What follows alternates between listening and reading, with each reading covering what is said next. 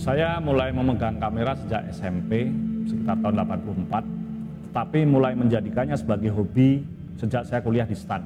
Ketika itu saya aktif di penerbitan kampus.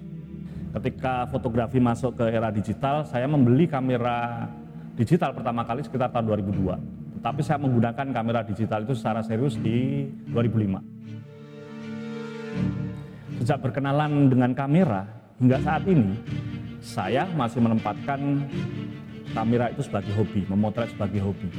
Hobi yang sangat apa ya, sangat serius tepatnya. Fotografi menurut saya adalah satu hobi yang sangat unik. Ia bisa merekam waktu kejadian yang mungkin tidak dapat terulang. Dan ketika saya menekuni hobi memotret dalam waktu rentang tertentu, tanpa terasa saya sudah merekam sejarah. Hanya dengan satu kegiatan saja, memotret, saya dan khalayak yang melihat foto saya akan dapat menikmatinya dalam waktu yang lama.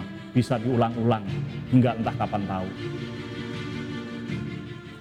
Kamera yang saya pakai pertama kali adalah Fujifilm, yaitu Fujica M1. Waktu itu saya masih SMP. Pada era digital, saya berkenalan dengan Fujifilm digital pertama kali tahun 2005. Saya meminjam Finepix S2 Pro dari teman saya dan saya surprise banget dengan image quality-nya Image quality ini yang menjadikan saya kemudian tanpa ragu membeli generasi berikutnya Finepix S3 Pro dan Finepix S5 Pro. Hingga kemudian sekitar tahun 2011 Fujifilm melaunching X series pertamanya Finepix X100. Saya tidak berpikir panjang beli. Saya suka dengan image quality-nya Fujifilm dan alasan ini yang menjadikan saya jatuh cinta dengan Fujifilm sampai sekarang.